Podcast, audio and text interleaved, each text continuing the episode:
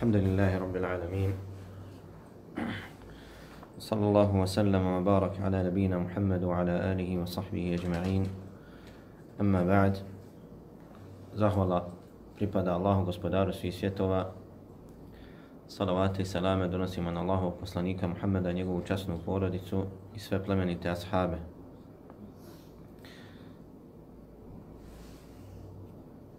Nastavljamo se družiti sa hadithima Allahov poslanika sallallahu alaihi wa sallam sa muslimovom zbirkom haditha.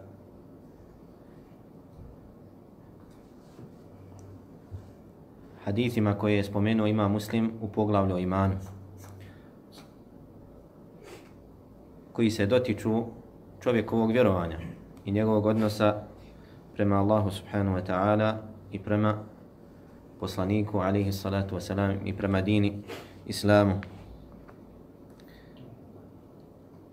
Stigli smo do 22. haditha kojeg ćemo sada čuti, a onda ćemo uh, ukratko spomenuti značenje i mudrosti i koristi tog haditha. Bismillahirrahmanirrahim. Poglavlje, ko bude imao troje, tri svojstva, osjetit će slast imana. 22. hadis. Enes radijallahu anhu prenosi od vjerovjesnika sallallahu alaihi wasallam da je rekao Kod koga se nađu tri svojstva, osjetit će slast imana. Da voli Allaha i njegovog poslanika iznad svega ostalog, da čovjeka vodi isključivo u ime Allaha i da mrzi povratak u nevjerstvo nakon što ga je Allah iz njega izbavio kao što mrzi da bude bačen u vatru. Kaže, od Enesa radijallahu anhu prenosi se da je poslanik sallallahu alaihi wasallam rekao Thalathun men kunna fihi wajada bihinna halawata iman. Tri stvari koje se tri stvari kod koga se nađu tri svojstva kod koga se nađu. Osjetit će slast imana. Osjetit će slast imana. Man kana Allahu wa rasuluhu ahabba ilayhi mimma siwahuma. Onaj kome Allah i njegov poslanik budu draži od svih drugih mimo, mimo njih. Dakle, onaj kome Allah i njegov poslanik budu draži od svega drugog. Wa an yuhibba al-mar'a la yuhibbuhu illa lillah. I da voli čovjeka, ne voli ga osim radi Allaha ili u ime Allaha. Wa an yakraha an ya'uda fil kufri ba'da an anqadhahu Allah minhu kama yakrahu an yuqdafa fi an-nar. I da prezire i da prezire da se vrati u kufr i na vjerstvo kao što nakon što ga je Allah subhanahu wa ta'ala izbavio iz toga kao što preziri kao što prezire da bude bačen u vatru kao što prezire da bude bačen u vatru ovaj hadis jedan je od najpoznatijih hadisa Allahov poslanika sallallahu alejhi ve sellem koji u sebi nosi veličanstvena značenja i mudrosti i upućuje na velike i bitne propise koji se dotiču svakog muslimana. Na početku ovog haditha kaže poslanik sallallahu alaihi wasallam onaj ko pri sebi nađe, onaj ko objedini kod sebe tri svojstva, onaj kod koga se nađu tri svojstva, osjetit će slast imana. I to je dokaz da iman ima slast. Kada jedemo nešto slatko, osjećamo slast. I to nam je prijatno. I nema čovjeka da ne voli slatko. Allah subhanahu wa ta'ala stvorio ga stvorio ga sa time. To mu je urađeno. Osim ako je čovjek bolestan ili neprirodan, ali svaki normalan čovjek voli slatko. Kaže poslanik sallallahu alejhi ve sellem onaj kod koga se nađu tri svojstva, tri stvari, osjetit će slast imana. Što nas, što, nam, što nas upućuje da iman ima slast. Slast. Koju čovjek osjeti ako iskreno uđe u vjeru. Naslađuje se sa vjerom. Osjeti zadovoljstvo u vjeri. Vjera mu nije teška. Vjera mu nije naporna. Nije mu to breme na leđima koje jedva čeka da ostavi. Šerijatski propis mu je drag, a ne poteškoća osjeća u tome rahatluk. Ali kako da čovjek dođe do tog stepena? To je stepen odabranih Allahu i robova, koji ne može svako postići. Da bi čovjek postigao taj stepen, stepen da osjeti slast, kada klanja osjeti u tome slast. Kao što čovjek kada jede slatko, kada jede kolač, kada jede med, osjeti slast. Uživa u tome. E tako isto čovjek može osjetiti slast u vjeri. Da uživa kada, kada je pokoran Allahu subhanahu wa ta'ala. A osjeti suprotno tome gorčinu i neprijatnost kada je nepokoran Allahu subhanahu wa ta'ala. Zato onaj koji je osjetio naj, najbolji koji je osjetio slast bio je ko? Allahu poslanik sallallahu alaihi wa sallam. Šta kaže poslanik alaihi salatu wa sallam? وَجُعِلَتْ قُرَّةُ عَيْنِ فِي الصَّلَةِ Data mi je radost mog oka u namazu. Dakle, čovjek kada gleda svoju djecu, osjeća radost. Drago mu gledati svoju porodicu. Ode negdje na odmaralište da odmori oči, ili tako kada. Kada je džu'ilet qurratu ajni, radost mog oka data mi u namazu. Dakle, kada stanem da klanjam, ne mogu se odmoriti nigdje kao što se odmorim u namazu. I zato kaže poslanik sallallahu alejhi ve sellem jednom prilikom kada su bili na putovanju i umorili se, odsjeli da odmore, kaže arihna bis salati ya Bilal. Odmori nas namazom o Bilal. To jest prouči nam ezan da klanjamo.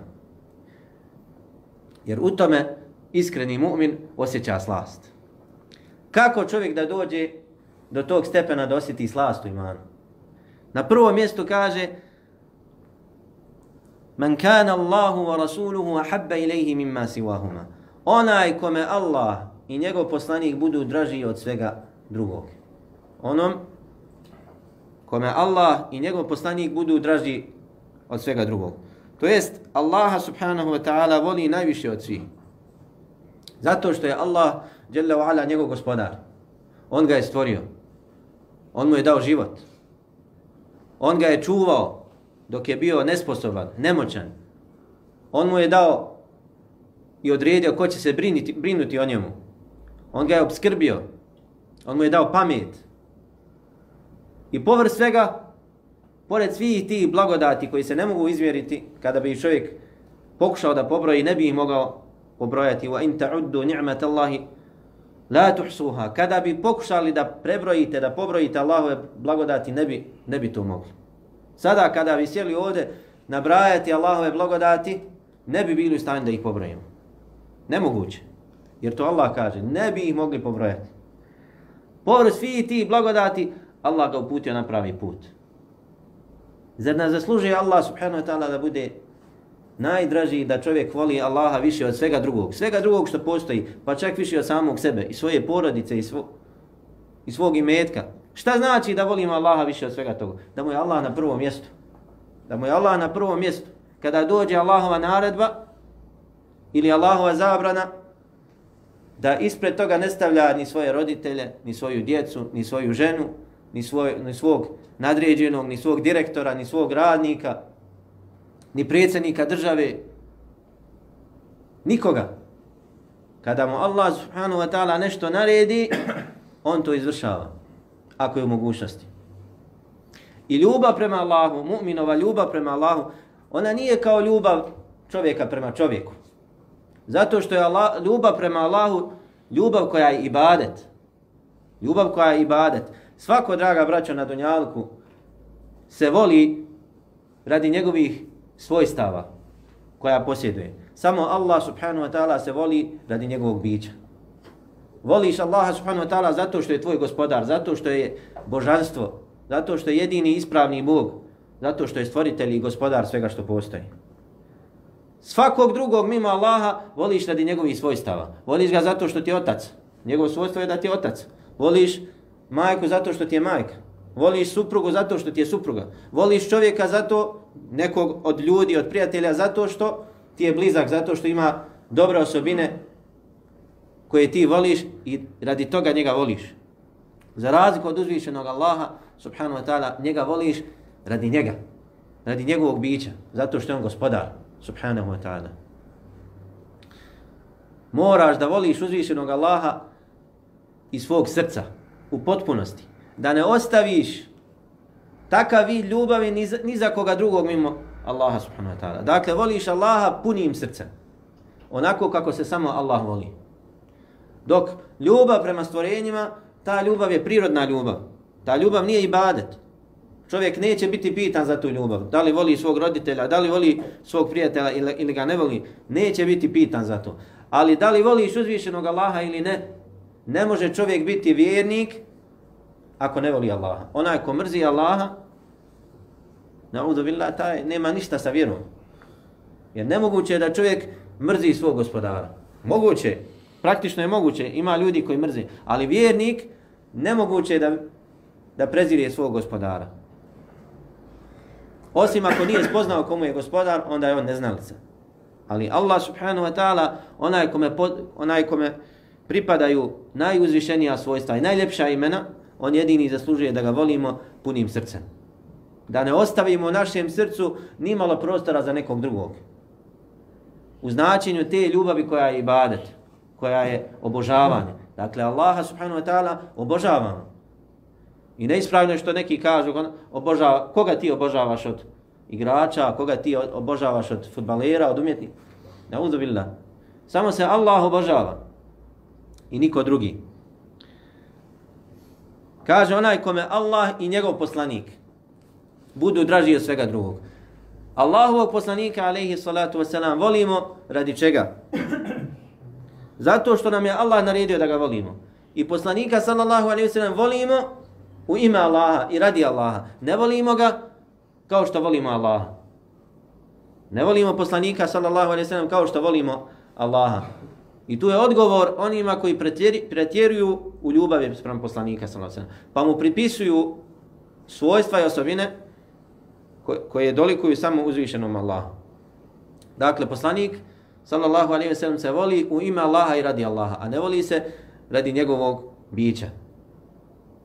Zato da ga kojim slučajem Allah subhanahu wa ta'ala nije učinio poslanikom, mi ga mi bi prema njemu odnosili se kao prema svim drugim ljudima. Ali zato što ga je Allah učinio poslanikom i poslao ga kao milo svim svjetovima i odgojio ga najboljim odgojem i učinio ga sebebom da mi krenemo pravim putem, mi ga volimo i slijedimo. Ali ljubav prema poslaniku sallallahu alaihi wasallam nije riječ na jeziku koju kažemo, a u praksi suprotno radimo tome. Mnogi kada bi ih pitali da li volite poslanika, rekli bi volimo. Međutim, da li svojim dijelima potvrđujete svoj, tu svoju ljubav prema poslaniku, sallallahu alaihi sallam, tu je pitanje.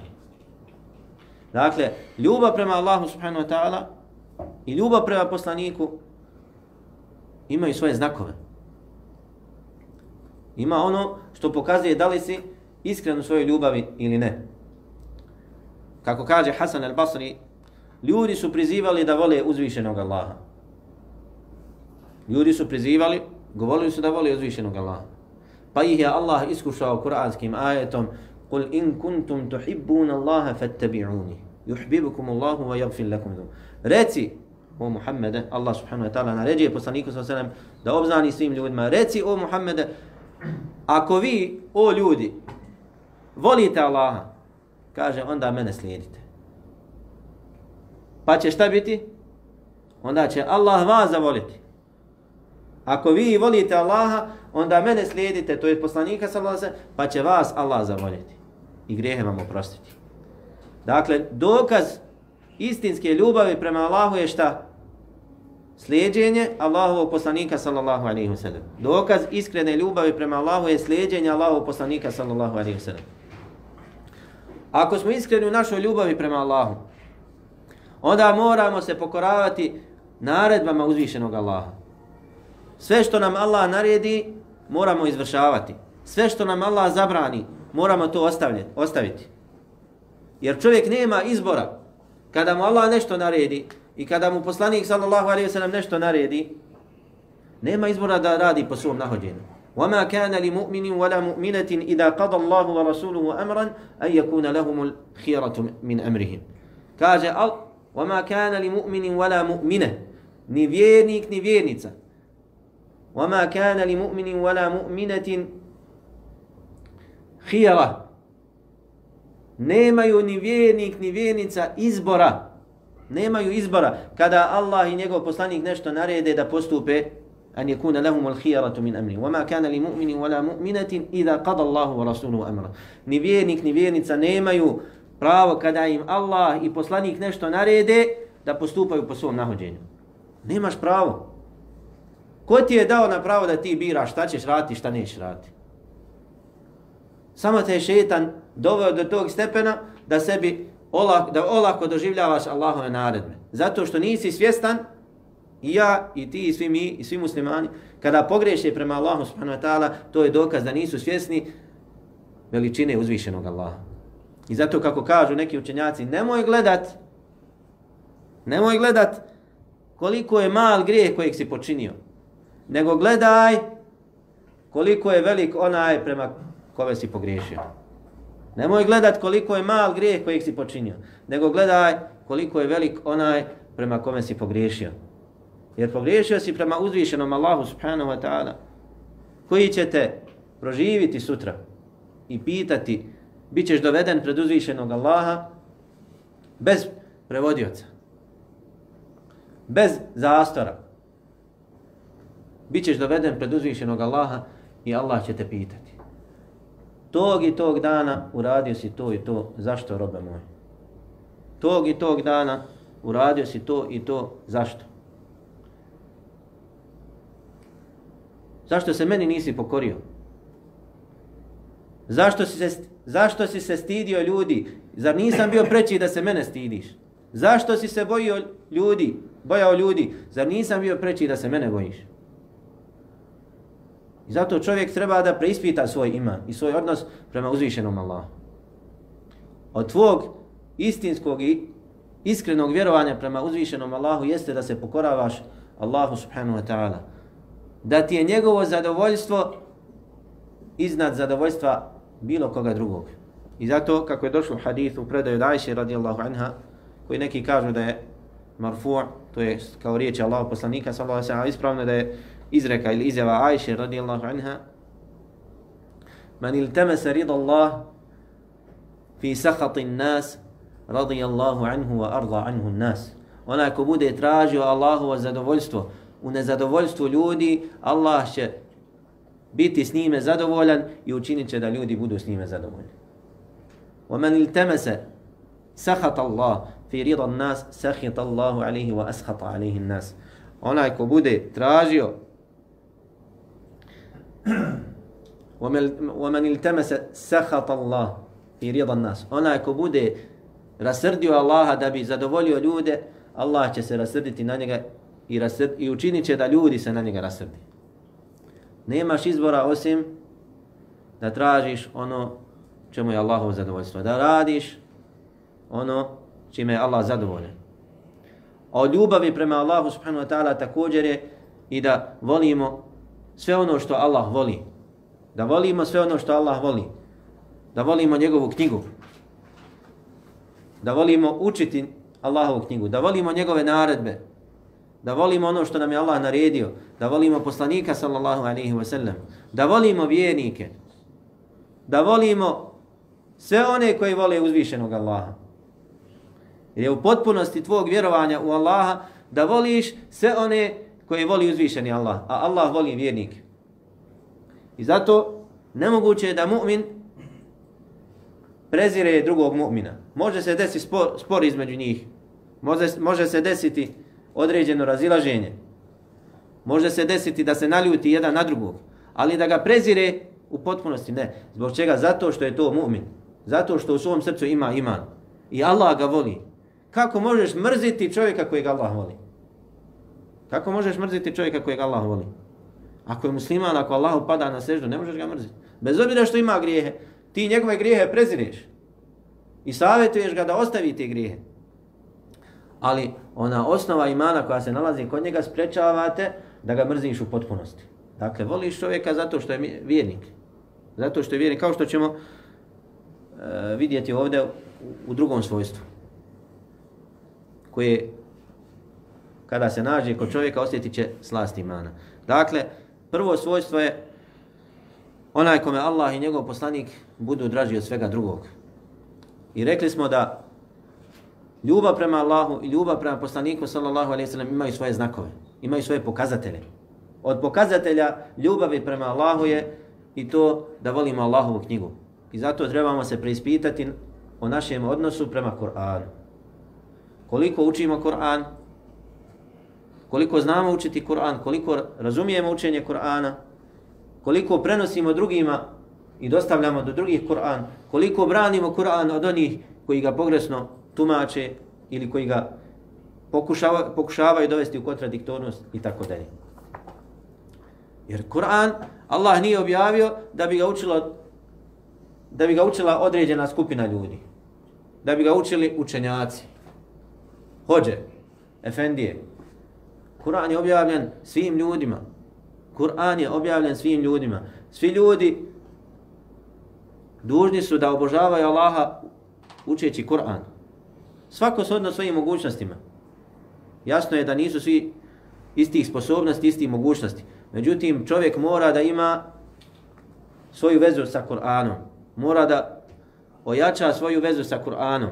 I zato Allah dželle ve ala kad kaže u Kur'anu: "Wa'tasimu bihablillahi jami'an wa la tafarraqu." Svi se čvrsto držite za Allahovo uže i nemojte se razjedinjavati. Šta je Allahovo uže? Kur'an po velikom dijelu mufessira tumača Kur'ana, komentatora Kur'ana, Allahovo uže je Kur'an. Postoje predaje koje podupiru to mišljenje. Neki kažu sunnet poslanika, sallam, neki kažu islam. I zato nekim predajama kaže Kur'an je Allahovo uže. Ko kada se ufati, onaj ko se ufati za to uže, kao da, je, kao da se spojio direktno sa uzvišenim Allahom. Kao da držiš uže koje ti je Allah subhanahu wa ta'ala poslao da ga prihvatiš. I onaj ko se uhvati za Kur'an, takav neće skrenuti sa pravog puta. Ako bude iskren. I ako bude dosljedan u svojoj vjeri. Dakle, Kur'an je Allahov uže na zemlji. Allah subhanahu wa ta'ala objavio ga je da bi radili po njemu, da bi ga čitali, da bi liječili svoje duše Kur'anom. A ne samo da bi učili njegove harfove, a radili suprotno onome što piše u Kur'anu. Ili o čemu nas je Allah subhanahu wa ta'ala obavijestio Kur'anom.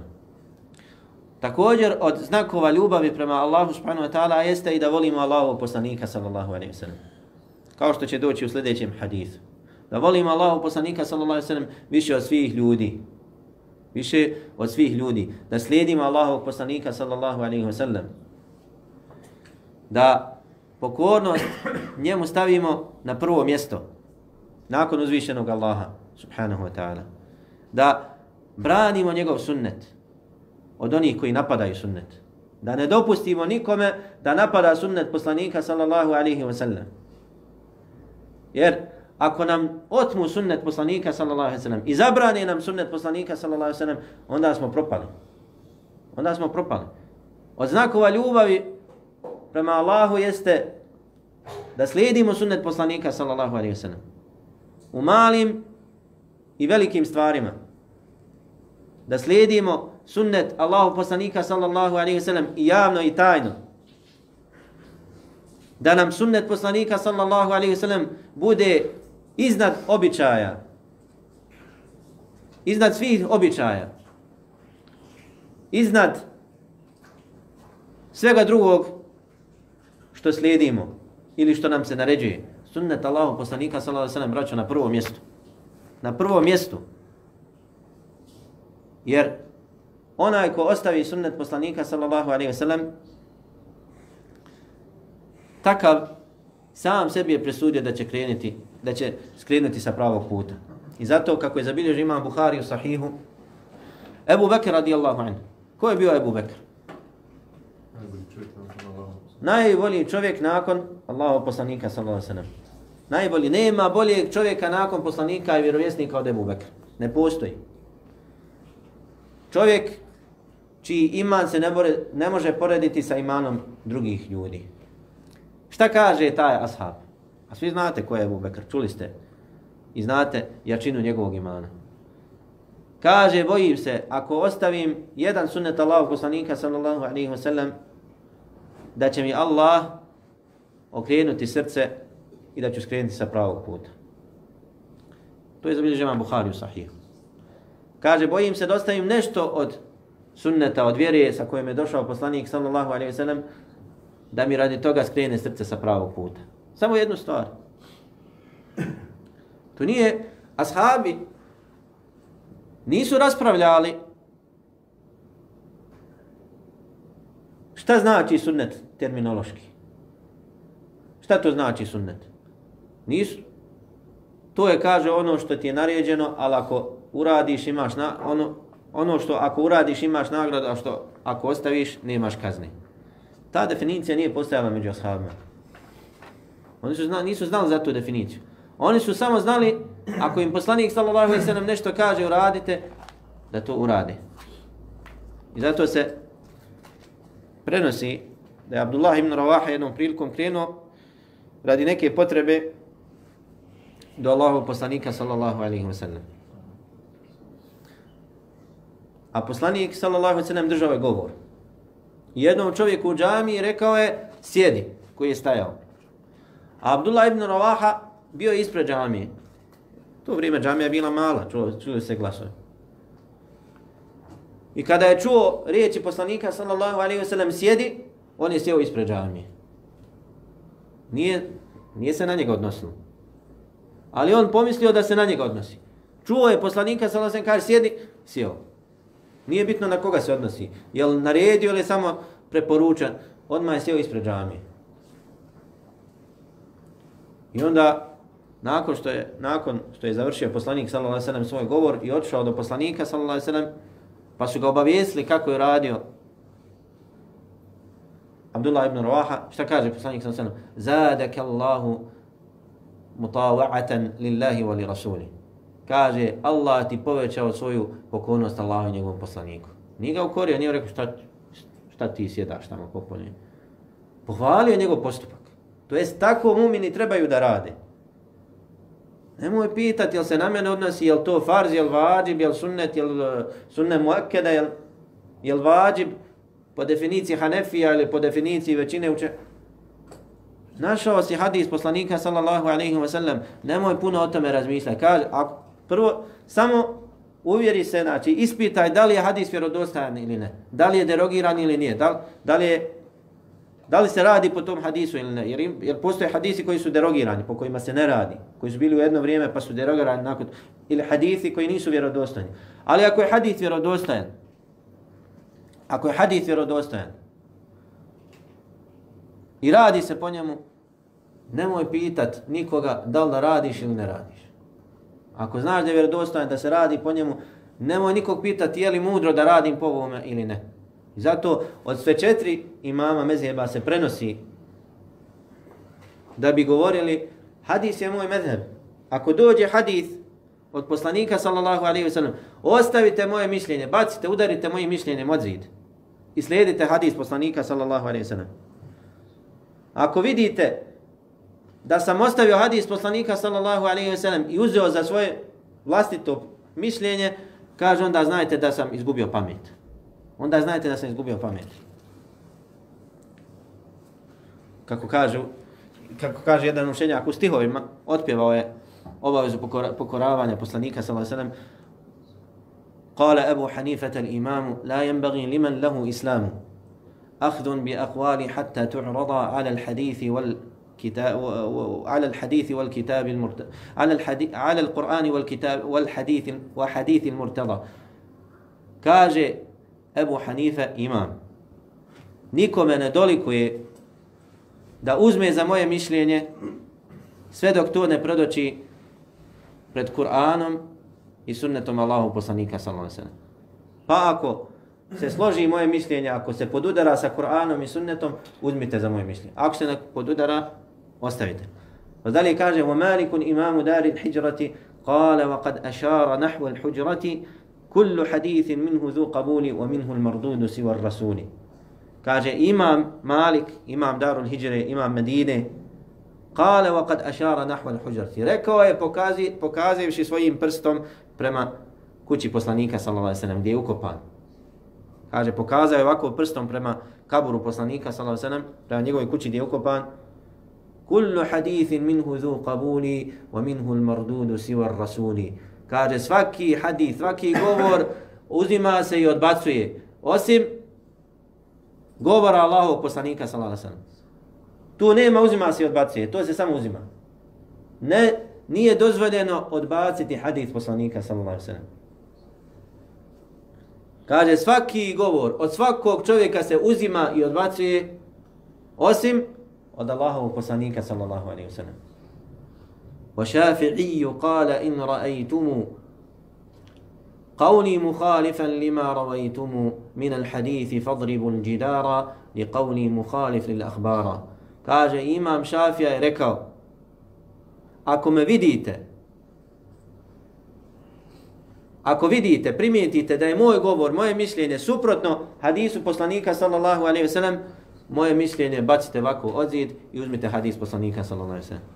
Wa قال qala lahum la ما ma بل ذلك اطلبوا tlubu kaže a imam Ahmed je rekao nemojte pisati ono što ja govorim, nego pišite ono na osnovu čega sam ja to rekao. Nemojte pisati ono što ja govorim, nego pišite ono zbog čega sam to rekao. A zbog čega je to rekao? Zato što na to upućuje sunet poslanika. To jest kada nemojte pisati moja mišljenja. Od mojih mišljenja nema korist. Iako ima korist.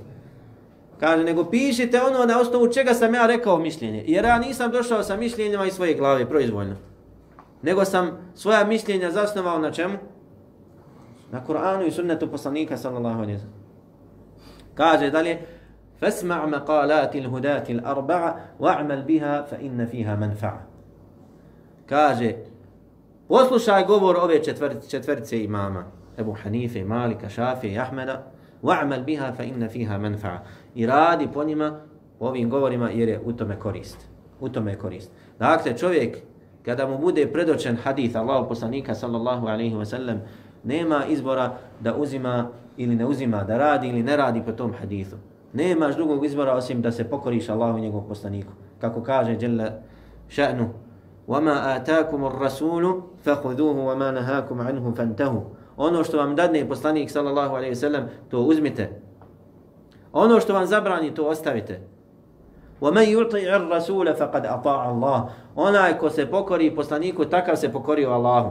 Pokornost poslaniku sallallahu alejhi ve sellem je pokornost Allahu.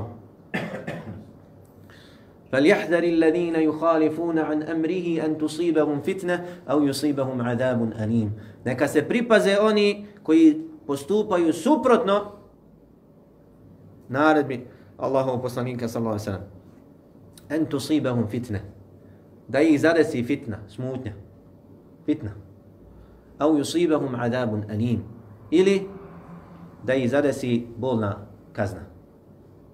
Imam Ahmed kada je proučio ovaj ajet, ka, upitao je svoje učenike, Hel te drimel fitne? Kaže, znaš li šta je fitna u ovom ajetu? Allah kaže, neka se pripaze oni koji postupaju suprotno poslanikovoj naredbi, da ih ne zadesi fitna. Ili? Bola, bolna kazna. Kaže, znaš li šta je fitna? Hel te drimel fitne? Znaš li šta je fitna? Kaže, šta je fitna? Kaže, al fitnetu širk. Kaže, fitna je širk. Kaže, akhafu an yati ahadukum amrun an yati ahadukum amrun min umuri rasulillahi sallallahu alayhi wasallam fayad'uhu fayazigha qalbuhu. Kaže, bojim se da nekog da nekom od vas dođe neka naredba poslanika sallallahu alaihi wasallam pa je on ostavi kaže pa mu skrene srce radi toga s pravog puta kaže pa, pa ode u propast. Pa ode u propast. Jer vidimo ovo, kuranski ajet, neka se pripaze oni koji, su, koji postupaju suprotno naredbi poslanika sallallahu alaihi wasallam. En tusibahum fitne, da ih ne zadesi fitna ili bolna kazna. Dakle, ne smiješ postupati suprotno sunnetu poslanika sallallahu. Ako ti je poslanik nešto naredio, ili ti nešto zabranio, to je isto kao da si našao u Kur'anu ajet koji to naređuje ili zabranio. Kod nas danas ljudi, kada mu nešto kažeš, tako i tako, pa kaj, to je sunnet, nije vađib. To je sunnet, nije vađib.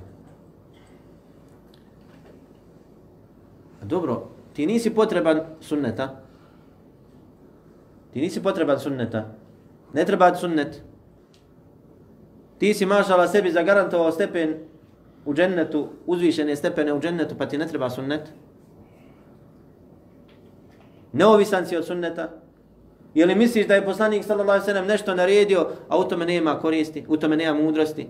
Da je poslanik sallallahu alejhi ve sellem stvari naređivao tek tako da bi ljude pozabavio nekim stvarima. Znaj sigurno da ono što je poslanik sallallahu alejhi ve sellem naredio da je to naredio zato što je u tome radost i sreća i uputa i uspjeh i na dunjalku i na ahiretu za sve nas. Ništa poslanik sallallahu alejhi ve sellem nije bez mudrosti naredio. Tek tako. Svaka njegova naredba i svaka njegova zabrana je na mjestu. Ima svoju mudrost, ima svoj sebe razlog zbog čega je to naredio. Kako kaže Allah subhanahu wa ta'ala wa in tuti'uhu tahtadu ako, ga, ako mu se pokorite, ako ga budete slijedili, o muslimani, bit ćete na pravom putu. I zato svako neko isp, neka ispita svoj odnos prema sunnetu poslanika, sallallahu alaihi wa sallam. Da li si od onih koji slijede sunnet ili nisi od onih koji slijede? Ako si od onih koji slijede sunnet, onda sam znaš da si na pravom putu. In tuti'uhu tehtedu. Ako budete mu slijedili njega, poslanika, sallallahu alaihi ve sallam, bit ćete na pravom putu. I sam sebe ispita. Sam sebe stavi na vagu. Onoliko koliko slijediš sunnet poslanika sallallahu alejhi ve sellem, toliko si na pravom putu. Onoliko koliko si ostavio sunneta poslanika sallallahu alejhi ve sellem, toliko si skrenuo sa pravog puta. Zato Eh, uh, Hafid al-Iraqi, poznati učenjak, eh, uh, šeheh, učitelj Hafid ibn Hajara, kaže kada kada je komentarisao hadith poslanika sallallahu alejhi ve sellem u kojem naređuje da čovjek prvo obuče desnu nogu, desnu e, papuču, pa onda lijevu. Kaže, ako bi čovjek obukao prvo lijevu papuču, pa onda desnu. Dakle, suneta je čovjek obuče prvo desnu, pa lijevu. Kaže, ako bi čovjek obuš, obukao obuo prvo lijevu papuču, pa onda desnu. Kaže, treba skinuti obje, obje, obje papuče i onda prvo obući desnu, pa onda lijevu. Da bi ispravio ono što je uradio pogrešno sunneta poslanika. Toliko male stvari. Toliko male stvari. Dakle, čovjek pogriješi, obuče prvo lijevu papuču, pa onda desnu. Kaže, skini, pa obuci prvo desnu, pa onda lijevu. Da tako ispraviš ono što si pogriješio kada je u pitanju primjena sunneta poslanika, sallallahu alaihi wa sallam.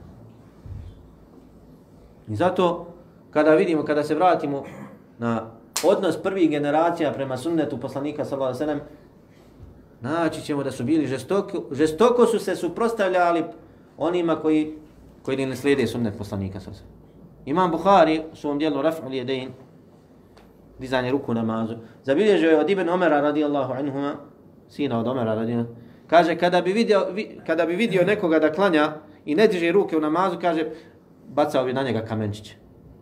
Gađao bi ga kamenčićima. Kada bi ovaj, što me gađaš, kamenčić kaže, primijeni sunnet poslanika sallallahu alaihi sallam. Primijeni sunnet poslanika sallallahu alaihi sallam. Misvak, kada bi, kada bi gledali njihov odnos prema misvaku i koliko su učenjaci spomenuli propisa misvaka i zasebna djela pisala o misva, pisali o misvaku. Iako je misvak jedan od sunneta koji smo u potpunosti zapostavili danas. A to je kod njih u njihovim očima bio veliki sunnet. Dakle, prve generacije prve generacije ovog ummeta bili su ljubomorni na sunnet poslanika sallallahu alaihi wa sallam. I žestoko su se suprostavljali onima koji ostavljaju sunnet. Radi nečijih govora i mišljenja. Radi nečijih govora i mišljenja. I zato na sudnjem danu وَيَوْمَ يُنَادِيهِمْ فَيَقُولُ مَاذَا أَجَبْتُمُ الْمُرْسَلِينَ I na dan kada ih mi pozovemo i upitamo šta ste se odazvali vjerovjesnicima. Šta ste se odazvali? Poslanicima. Jevme ned'u kulle ummetin bi imamihim. Jevme ned'u kulle unasim bi imamihim. Na dan kada pozovemo sve ljude sa njihovim imamom, sa njihovim predvodnikom. Onaj ko bude slijedio sunnet poslanika sallallahu alaihi wa sallam, njegov predvodnik će biti Muhammed sin Abdullah alaihi salatu wa salam. Na dan kada ih pozovemo pa kažemo šta ste se odazvali poslanik, poslanicima. Tog dana sve ono što ti je naredio poslanik sallallahu alaihi wa sallam bit ćeš pitan koliko si se odazvao, koliko si slijedio, a koliko si ostavljao. I mi kada govorimo o sunnetu ovdje, govorimo o sunnetu kao, kao uputi. Kao uputi. Ne govorimo o svakoj sitnici ili djeliću u sunnetu poslanika sa osa. Iako nema sitnice u sunnetu poslanika sa Čovjek može se desiti da ostavi neki sunnet. Može se desiti da ne primijeni neki sunnet. Može se desiti da iz ljenosti nekada ostavi, nekada zaboravi, nekada preskoči neki sunnet ili ne praktikuje. Ali da čovjek da njegov menheđ, njegov put, njegovo razumijevanje bude ostavljanje sunneta, to je zabluda. Dakle, niko od nas nije savršen i niko od nas ne primjenjuje sunnet u potpunosti. Kada bi sad nabrajali sunnete i naš, i, i, ispitali naš odnos sprem sunneta, Allahu poslanika sallallahu alejhi ve sellem kada kažemo sunnet ono što nije vađib, što nije naređeno,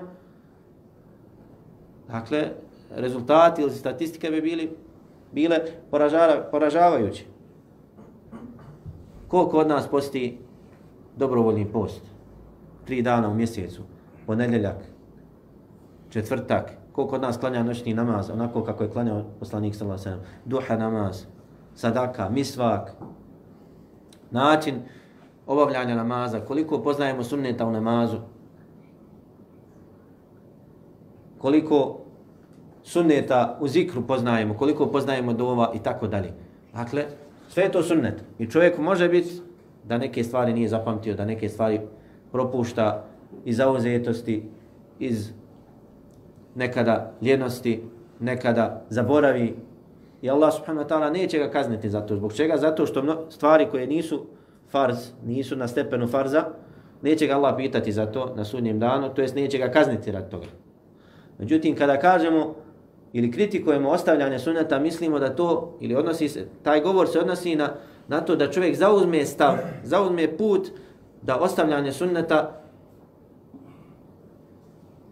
da u tome nema ništa sporno, da je to sasvim u redu, da ne osjeća uopšte slabost kada ostavi sunnet. Ne, draga braćo, čovjek treba se truditi da primijeni sunnet u svemu, onoliko koliko je mogućnosti. A ono što ne mogne, bude slab, ne stigne radi obaveza, Allah subhanahu wa ta'ala neće ga teretiti za to Ali da čovjek bude nemaran sprem sunneta, to je, to je druga stvar.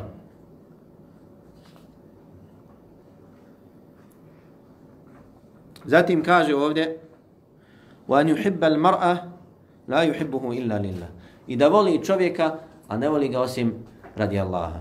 To je drugo, drugo, drugo svojstvo, druga osobina koja kada se nađe pri čovjeku osjetit će slast imana. Da čovjeka ne voliš osim radi Allaha. To je ljubav u ime Allaha. To je ljubav vjernika jednih prema drugim. Ali to nije samo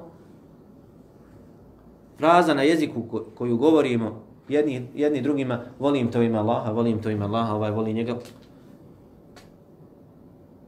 To mora da bude iskreno. Da čovjek zaista iskreno voli nekoga radi Allaha i u ime Allaha. Šta znači da voliš nekoga radi Allaha? Da ga voliš zato što je mu'min. Da ga voliš zato što je on vjernik, zato što se pokorava Allahu. Ne voliš ga zato što ti je učinio dobro, Ne voliš ga zato što ti je blizak u krvnom srodstvu. Ne voliš ga zato što je iste boje kože, što je iz iste države, iz istog grada i tako dalje. Nego ga voliš samo radi Allaha. I zato mu'min voli sve mu'mine na dunjalku. Sve vjernike, sve muslimane na Dunjalku, iskreni vjernik voli. I teško mu pada ako im se nešto loše dešava. I raduje se ako im se nešto dobro desi. To je dokaz iskrene ljubavi u ime Allaha. I zato jedan od učenjaka iz prvih generacija, Jahje ibn Mu'az, postavio je pravilo kojim svako od nas može izvagati svoju ljubav u ime Allaha. To jest, da li nekoga voliš u ime Allaha ili ne. Kaže, to je ljubav koja se ne povećava dobročinstvom i ne smanjuje se lošim odnosom. Šta to znači? Ako ti neko učini dobro od vjernika, tvoja ljubav, ljubav prema njemu se ne povećava. Neko dođe i pomogne ti nešto. Kaže, to je ljubav koja se ne povećava. Zbog čega? Zato što ga ti nisi volio radi te usluge koje ti učinio, nego si ga volio radi Allaha. I nema, nema potrebe da se poveća ta ljubav prema njemu, ti njega budeš mu zahvala na njegovo dobročinstvo. Voliš ga prirodnom ljubav, ljubavlju radi tog dobročinstva. Ali ljubav koja je u ime Allaha, ona se ne povećava dobročinstvom. Neko ti učini dobro, ne voliš ga sad više od drugog, zato što ti učinio dobro. Jer onda to nije više ljubav u ime Allaha, to je ljubav radi dunjaličkih koristi. I kaže, ne smanjuje se lošim odnosom. Neko loš prema tebi pokaže nezahvalnost, učiniš mu dobro, on ti nije zahvalan, a nije on zaslužio. Ili neko te učiniti, zakineti, zakinete u nekom pravu, ili zapostavite, zanemarite, kaže, ta ljubav se ne smanjuje. Zbog čega? Zato što ga voliš u ime Allaha, a ne voliš ga da bi bio dobar prema tebi. Ili ne voli ga zato što je dobar prema tebi. Nego ga voliš zato što Allahu pada na seždu. Voliš ga zato što je Allahu pokoran. Voliš ga zato što on voli Kur'an. Voliš ga zato što slijedi sunnet poslanika. Ne voliš ga radi dunjaličkih koristi. I zato kažu učenjaci, to je šart, uslov koji je težak. Težak. To nije ljubav u ime Allaha, nije stvar koju mi spominjemo tek tako na jeziku i volimo se u ime Allaha i to ima stvarnost, ima pozadinu koja nije lahka. Da nekog voliš u ime Allaha, to je krupna stvar. To je krupna stvar, kao što će doći u hadithu. La yu'minu ahadukum hatta yuhibba li ahihi ma yuhibbu li nafsi. Niko od vas neće biti potpuni pravi vjernik sve dok ne bude svome bratu volio isto ono što voli sebi. Koliko od nas takvi? Voli svom bratu isto što voli sebe. Zbog čega? Zato što ga voliš u ime Allaha. Voliš ga u ime Allaha. Taj rob znaš da ga Allah voli. I da je pokoran Allahu, radi toga ga voliš. I zato njemu voliš isto što voliš i sebi od hajera i dobra. Voliš ga, voliš njemu isto što voliš sebi. Dakle, kaže, neće biti potpuni vjernik čovjek dok ne dostigne taj stepen u islamu.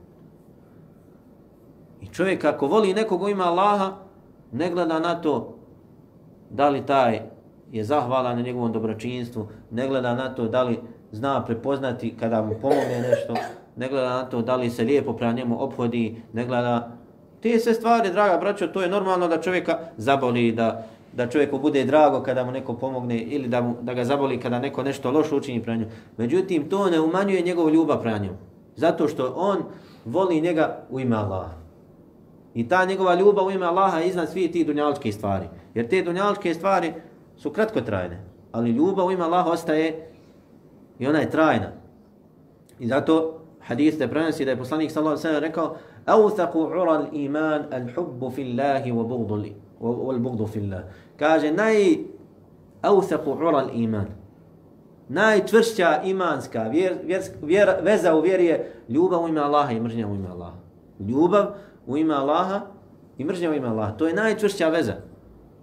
Najčvršća veza. I zato Allah u Kur'anu kaže: "Innamal mu'minuna ikhwa." Zaista su Vjernici prava braća. Vjernici su prava braća. Dakle, nije ti pravi brat onaj koji je s tobom krvno vezan. On ti je brat po krvi. Ali pravi brat, prema kojem treba da se odnosiš bolje nego pa prema bratu po krvi, kojeg je rodila ista majka, je ljubav u ime Allaha. To je brat u islamu. brat u islamu. Zato ovo što smo spomenuli pobija nacionalizam u temelju. Dakle, islam je protiv nacionalizma. U islamu nema nacionalizma. U islamu ima bratstvo u ime Allaha. Svaki mu'min, svaki vjernik na dunjalku, iz koje god države bio, na koje god ostrvu, na moru, na kopnu, gdje god se nalazio na dunjalku.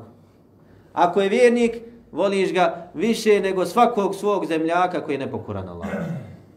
Voliš ga više od svakog, od komšije, od, od svog oca rođenog, koji je nepokoran Allahu, voliš svakog vjernika više od njega. Zato što ovaj vjernik je pokoran Allahu, subhanahu wa ta'ala, pada mu na sežnu, a ovaj je nepokoran. Ovaj prkosi Allah. Bez obzira što ti je otac. A da ne govorimo komšija, da ne govorimo boje kože. I zato, kako kaže Allah subhanahu wa ta'ala u Kur'anu, inna ummetakum ummeten wahida. Zaista je vaš ummet jedan ummet. Wa'tasimu bihablillahi jami'an. Svi se čvrsto držite Allahovog užeta. Ko svi? Muslimani, mu'mini. ولا تكونوا كالذين تفرقوا واختلفوا nemojte biti kao oni što su se razjedinili i podijelili. U drugom ajetu kaže kullu hizbin bima ladayhim farihun. Svaka grupacija, svaka partija zadovoljna onim što ispovjedaju. To je dokaz da se šetan da je šetan ušao među vjernike i zavadio ih.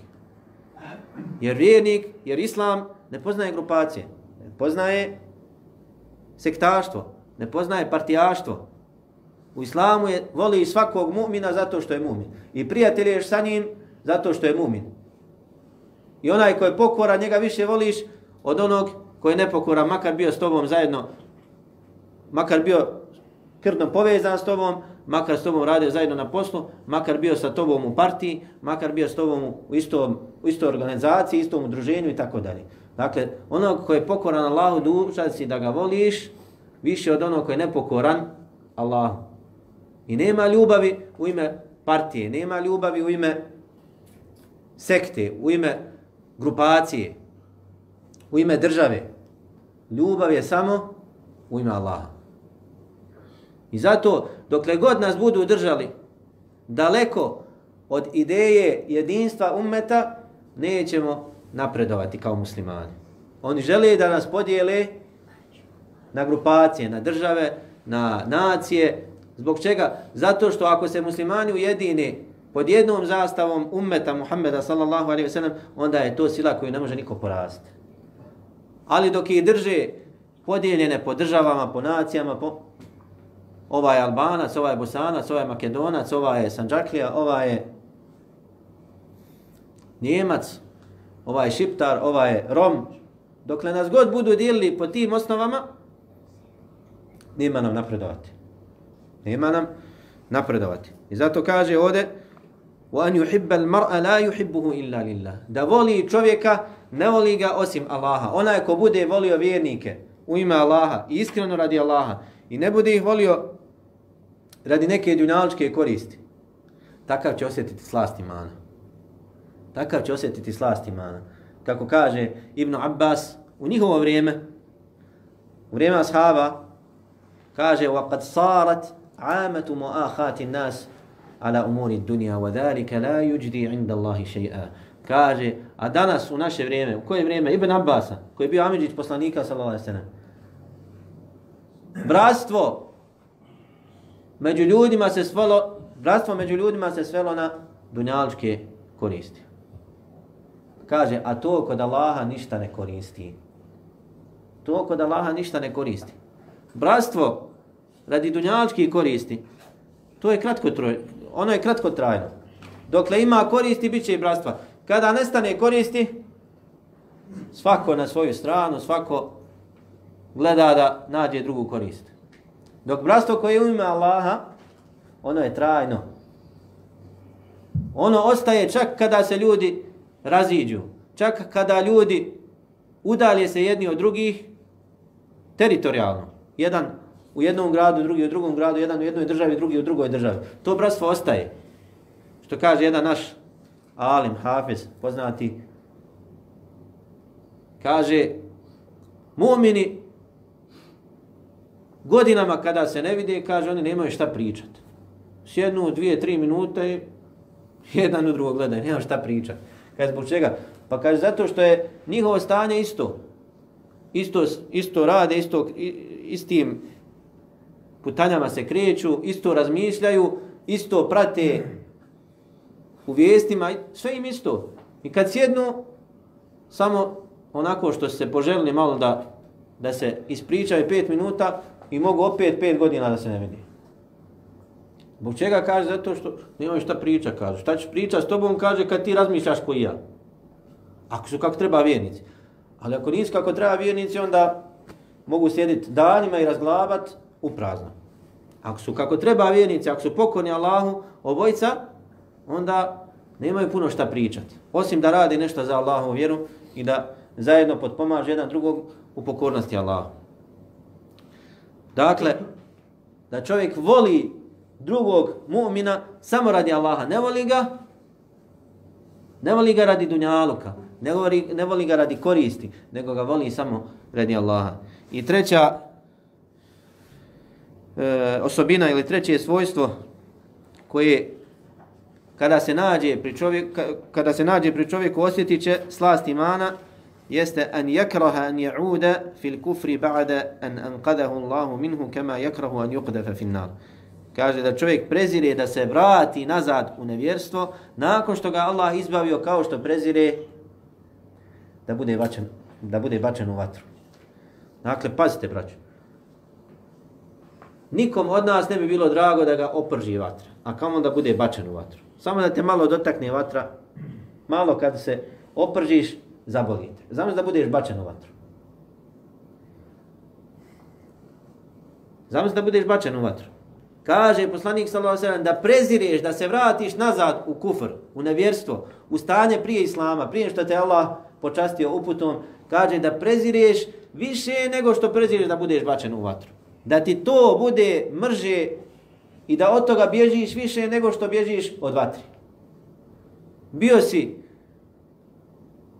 u zabludi, bio si u nevjerstvu, bio si daleko od uzvišenog Allaha, bio si mu nepokoran, Proveo si život ili dio života u nepokornosti Allahu. Daleko od njega. I Allah te uputi na pravi put. Iskreni vjernik kada bi ga pitao šta bi dao u zamenu za islam. Evo ti kaže šta hoćeš od dunjalka izaberi, samo da ostaviš islam. Šta bi rekao? Koji bi mu hađa odgovor bio?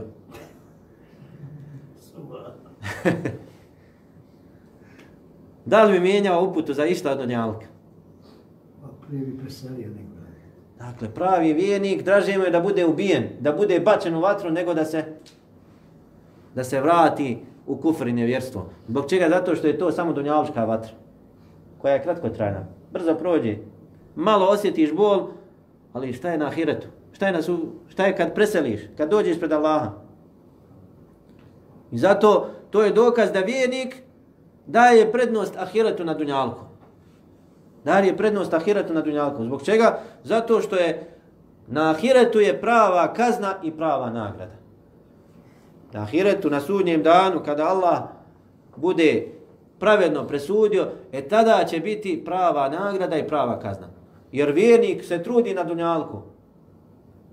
Ne mora znači da će mu Allah poslati, da će mu blagodati spuštati se sa, s nebesa i, i zemlje izlaziti. Jer nisi se Allahu pokorio da bi ti Allah dao dženet na dunjalku. Iako vjernik osjeti ta, tu, za, to zadovoljstvo, taj rahatluk, taj dženet ima u svojim prsima radi pokornosti Allahu. Ali nemaš dženet u značenju da uživaš na dunjalku. Nema uživanja na dunjalku. Dunjaluk je kuća iskušenja, kuća patnije. Nema uživanja na dunjalku. Ni za muslimana, ni za nevijenika. I mi kada se pokoravamo Allahu, ne pokoravamo se da bi nam Allah dao na dunjalku uživanje. Ne, pokoravamo se radi onog svijeta, da bi nam Allah dao džennet na ahiretu. A dunjaluk je prolazan. Brzo prođe. Isto tako i oni koji griješe prema Allahu. To ne znači da će im Allah dati džennem na dunjalku. Mogu najljepše proživiti dunjalku. uživat sve do smrti. Ali šta je nakon smrti? Jer nakon smrti dolazi nagrada i kazna. Oni koji su, kada su iskopali rovove, suri Buruđ, Allah subhanahu wa ta'ala spominje, Kutila ashabu l'uhdud, an nari dhati l'uqud. Kada su iskušali vjernike i nasilu ih pokušali odvratiti od vjere u ima Allaha subhanahu wa ta'ala, pa su odbili vjernici. Iskupali su rovove i napunili, naložili vatru. Rovovi od vatre. I onda onaj ko odbije da ostavi svoju vjeru, baci ga u rovo i izgori u vatri. Zamislite to iskušenje. Dovede, dovedu vjernike i onaj ko odbije da se odrekne svoje vjere, baci ga u rov u kojem su naložili vatru. Izgori. I tako su ubili vjernike, pobacali ih u rovove, izgorili, ali nisu ih odvratili od pravog puta. I šta je se desilo nakon toga? Šta je se desilo nakon toga? Kako im je Allah kaznu poslu? Kako im je Allah kaznu poslu?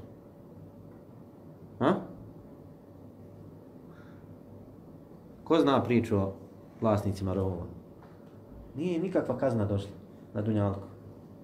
Ubili su ove vjernike, iskušali ih u njihovoj vjeri i oni su ostali ustrajni i preselili su pokorni Allahu kao pravi vjernici. Nije Allah poslao grom da ih ubije na licu mjesta ove nevjernike. Niti im je poslao kaznu na Dunjalku. Ali im je Allah pripremio kaznu na Ahiretu. إن الذين فتنوا المؤمنين والمؤمنات لهم عذاب ثم لم يتوبوا فلهم عذاب جهنم ولهم عذاب الحريق Oni koji inna alladhina fatanu almu'minina. Govori ovim koji su pobacali vjernike u rovove sa vatrom. Koji budu iskušavali fatanu almu'minina, koji budu iskušavali vjernike, koji su iskušali vjernike u njihovom imanu, thumma lam yatubu. I nisu se pokajali nakon toga, falahum azabu jahannam. Njima pripada jahannamska kazna. Dakle, kazna im je gdje? U jahannam. I zato čovjek, čovjek ne treba očekivati nagradu za svoja dobra djela na dunjaluku. Niti kaznu za njegove grijehe na ahiretu. Prava kazna je na ahiretu. I toga se čovjek treba bojati. Nekada čovjek počini grijeh i onda se boji da mu Allah nešto ne pošalje, da se ne prevrne s autom, da nešto mu se ne desi njegovoj djeci, da mu Allah ne uništi imetak. Ne mora znači, možda ti Allah dadne više imetka. Možda ti Allah dadne više imetka. Možda je najveća kazna koju ti Allah pošalje radi tvojih griha da ti Allah spletke isplete. Da te Allah izloži ispletkama.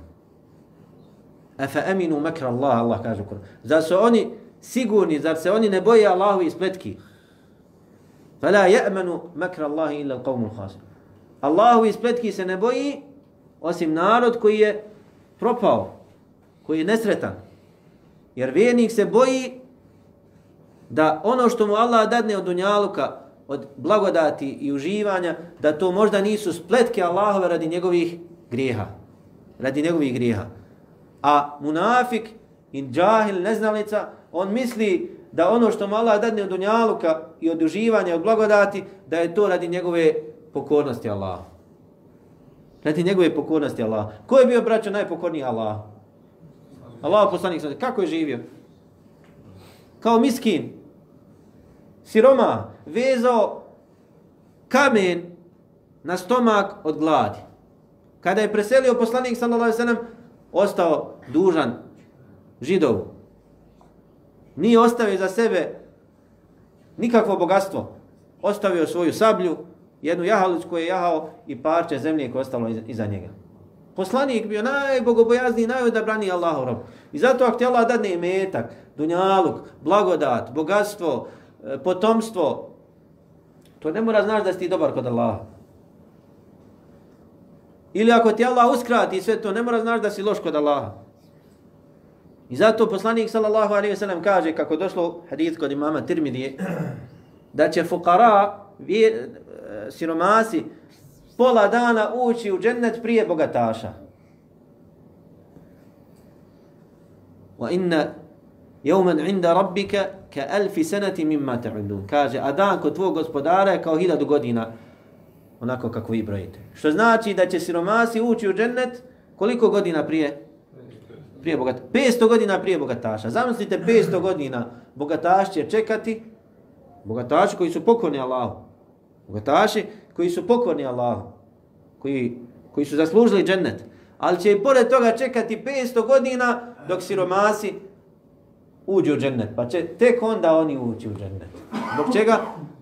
Zato što ih je Allah subhanahu wa ta'ala uskratio im je neka uživanja na dunjaluku pa će im nadoknaditi na ahiretu. I zato čovjek ne mora misliti ili ne smije misliti ako mu je Allah dao nešto od dunjaluka da je on bolji kod Allaha od ovog kojima Allah nije dao. Ne mora značiti. Isto tako obrnuto, ne mora značiti. I zato kaže poslanik sallallahu alejhi ve sellem inna min akbaril kaba'iri al makru al amnu min makri Zaista od najvećih velikih grijeha.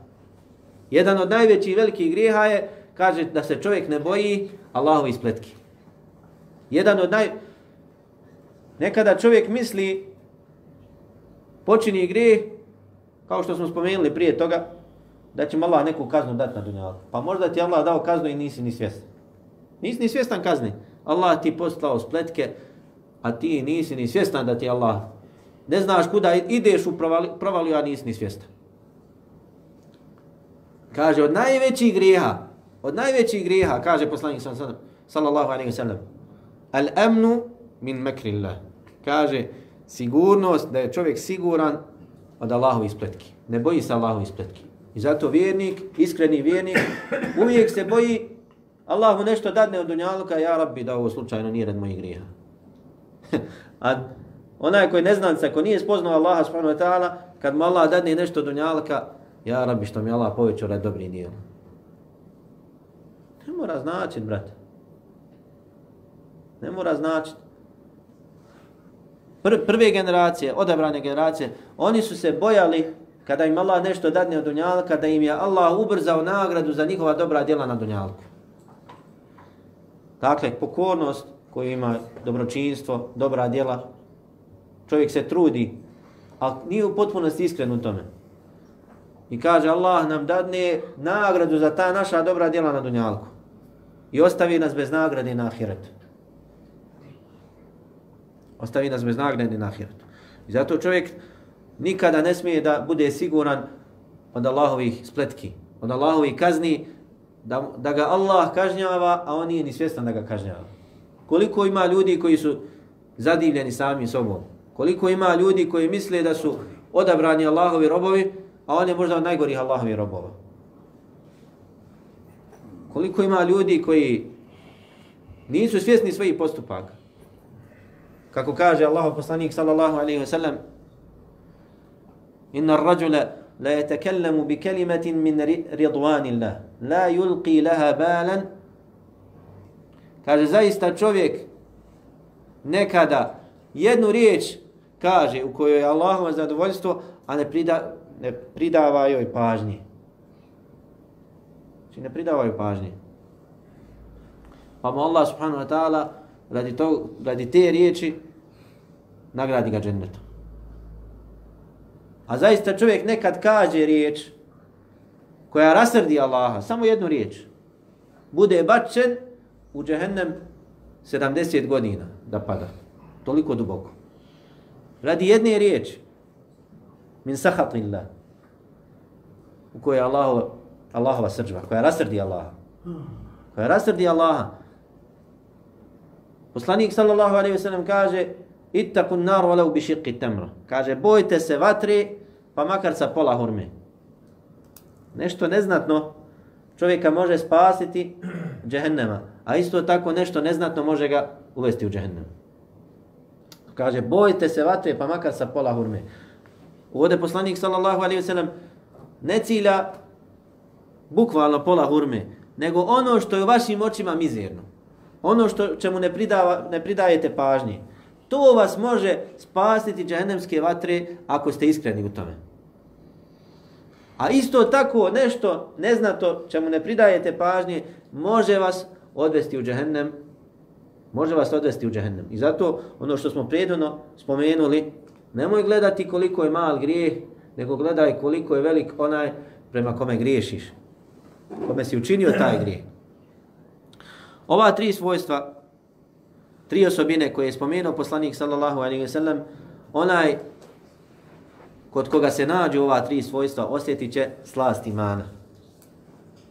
Osjetit će slast imana.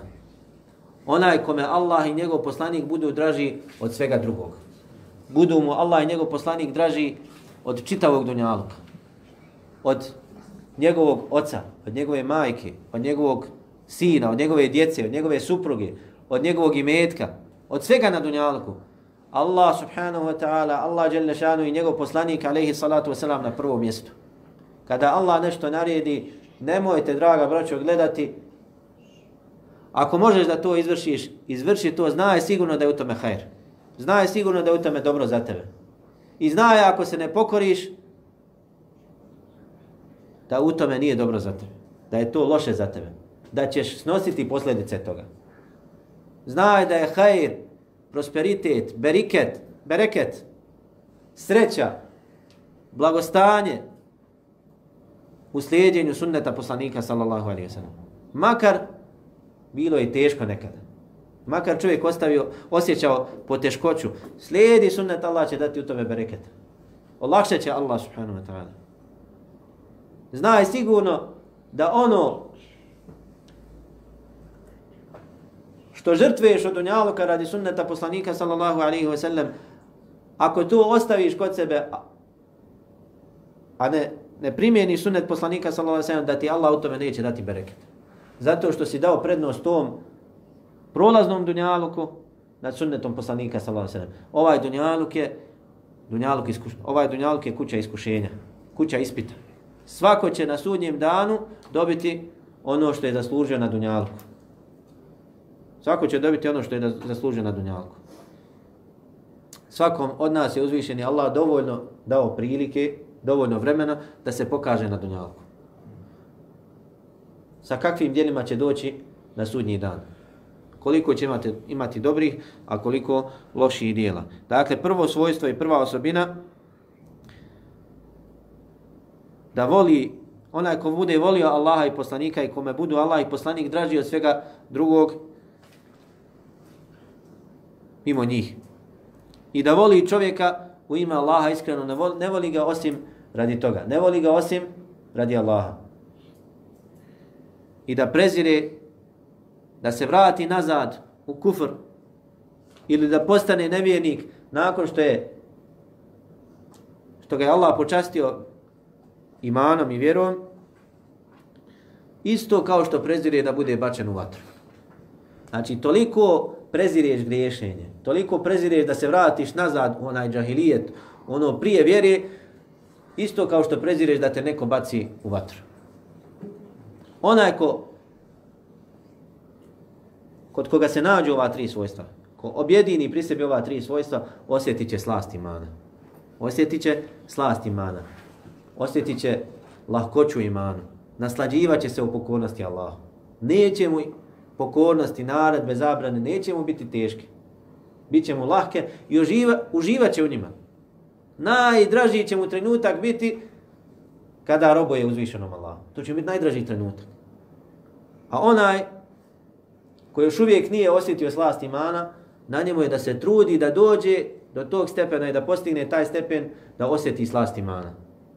Jer sve do tog stepena, sve dok ne postigne taj stepen, pokornosti će mu biti teške. Namaz, kada klanja, klanja samo da skine sa sebe obavezu. Kada posti, samo da isposti dan, jedva čeka. Hađ, samo da kutaršijem se obaveze. Zekat, samo da što prije završim. Za razliku od vjernika koji osjeti slast imana, namaz kad klanja, kad stane da klanja namaz, nema mu dražih trenutaka osjeća zadovoljstvo, smiraj, sigurnost, Nema dražijeg trenutka od toku dana od trenutka kojeg raduje se namazu isto kao što se čovjek raduje susretu sa nekom voljenom osobom. Isčekuje namaz.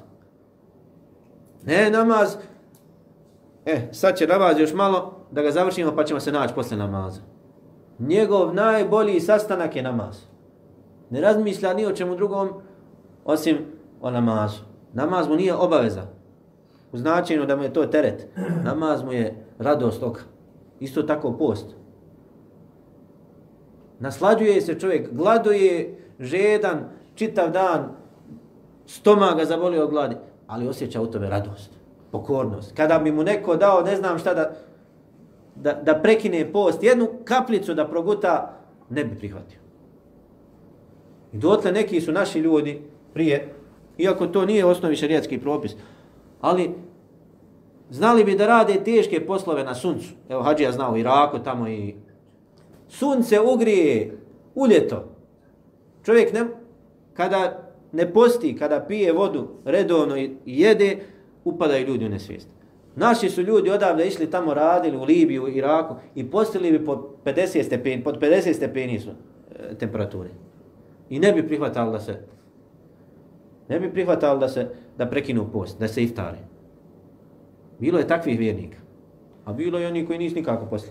Ali je bilo vjernika, pobožnjaka među našim, u našem narodu, iako je to iz neznanja u osnovi, ako čovjek se boji da će mu post naškoditi, ne, Allah ga ne tereti time. Može napostiti kasnije. Ali to je dokaz jačine njihovog imana. Znači nisu prihvatali da prekinu post pa ne znam što da se desi. Upadali ljudi u nesvijest ne bi prekidali post. Dakle, zbog čega? Zato što je osjećao slast u tome. Osjećao je zadovoljstvo u tome. Naslađivao se sa ibadetom. Zekat. Čovjek jedva dočeka da, izva, da, da, da dadne zekat. Jedva dočeka. Onaj koji je škrt, njemu teško pada da odvoji zekat. Pogotovo ko ima puno imetka. To je cifra. Možda njegova mjesečna zarada. Ali vijenik, iskreni vijenik, jedva čeka da, izda, da, da, da izvoji zekat. I kad izvoji zekat, nema mu dražeg dana u godini. Izdvojio, pokorio se, Allah me počastio da mogu dati zekat. Izdvojio, očistio svoj metak, radost u tome, u tome osjeća. Zadovoljstvo. Ljudi inače kad daju metak, boje se za sebe, boje se siromaštva, boje se umanče im se metak. A vijeni kad daje zekat, on se raduje tome jedva čeka taj dan da, da izvoji zekat. Osjeća zadovoljstvo. Hađ. Ljudi odu na hađ. Hađ je naporan koji je bio na hađu. Zahtjeva na odricanja. Za sobom povlači velike napore, iskušenja, bolesti, e, nelagodnosti. Ali iskreni vjernik u svemu tome osjeća zadovoljstvo. Tevaf je oko kabe, ono je gužvi, naj, ne može da diše, ali šta kaže Hađa? Lebejk Allahumma lebejk. Odaziva se Allah ide hoda na, na refatu pod onim suncem. Sunce upeklo, prži, on stane negdje, na, ako ima hlada ima, ako nema, na suncu ako treba. I digne ruke Allah subhanahu ta'ala i čitav dan dovi. Samo da mu se Allah smiluje. Osjeća u tome zadovoljstvo. Ko bi stao i čitav dan stajao, ko bi od nas stajao čitav dan na suncu tek tako? Evo da se pržim. Ali kada je u tome Allahovo zadovoljstvo, ma uživa u tome. Uživa u tome. I tako vjernik, tak, takav treba da bude odnos vjernika prema, prema uzvišenom Allahu. Prema naredbama, prema sunnetima poslanika sallallahu alaihi wa sallam, prema onome što je Allah zabranio da to čovjek ostavi, da ne razmišlja puno o tome. Ako je Allah to zabranio, ostavljam istog trenutka. Ako je Allah to naredio, izvršavam istog trenutka. Molim Allaha subhanahu wa ta'ala da ove riječi budu dokaz za nas, a ne protiv nas. Molim ga subhanahu wa ta'ala uh, še'nu da nas učini od onih koji su osjetili slast imana. Da nas počasti iskrenim imanom. Da osjetimo slast u pokornosti Allahu. Molim ga subhanahu wa ta'ala da nam oprosti grijehe, da nam se smiluje da popravi naše stanje. Molim ga subhanahu wa ta'ala da pomogne našu potlačenu braću na istoku i na zapadu, protiv onih koji im čine nepravdu. Molim ga subhanahu wa ta'ala da ih potpomogne melecima i da ih potpomogne pomoću od njega subhanahu wa ta'ala da ubrza njihovu pomoć i njihovu pobjedu, da ih sačuva zla nevjerničkih naroda i zla onih koji sa sobom nose zlo. Molim ga subhanahu wa ta'ala da nam oprosti našu nemarnost sprem njih i molim ga subhanahu wa ta'ala da ojača našu slabost i da nas počasti korisnim znanjem i ispravnim primljenim djelima. Allah najbolje zna. Wa sallallahu wa sallama wa baraka ala nabina Muhammadu wa ala alihi wa sahbihi ajma'in.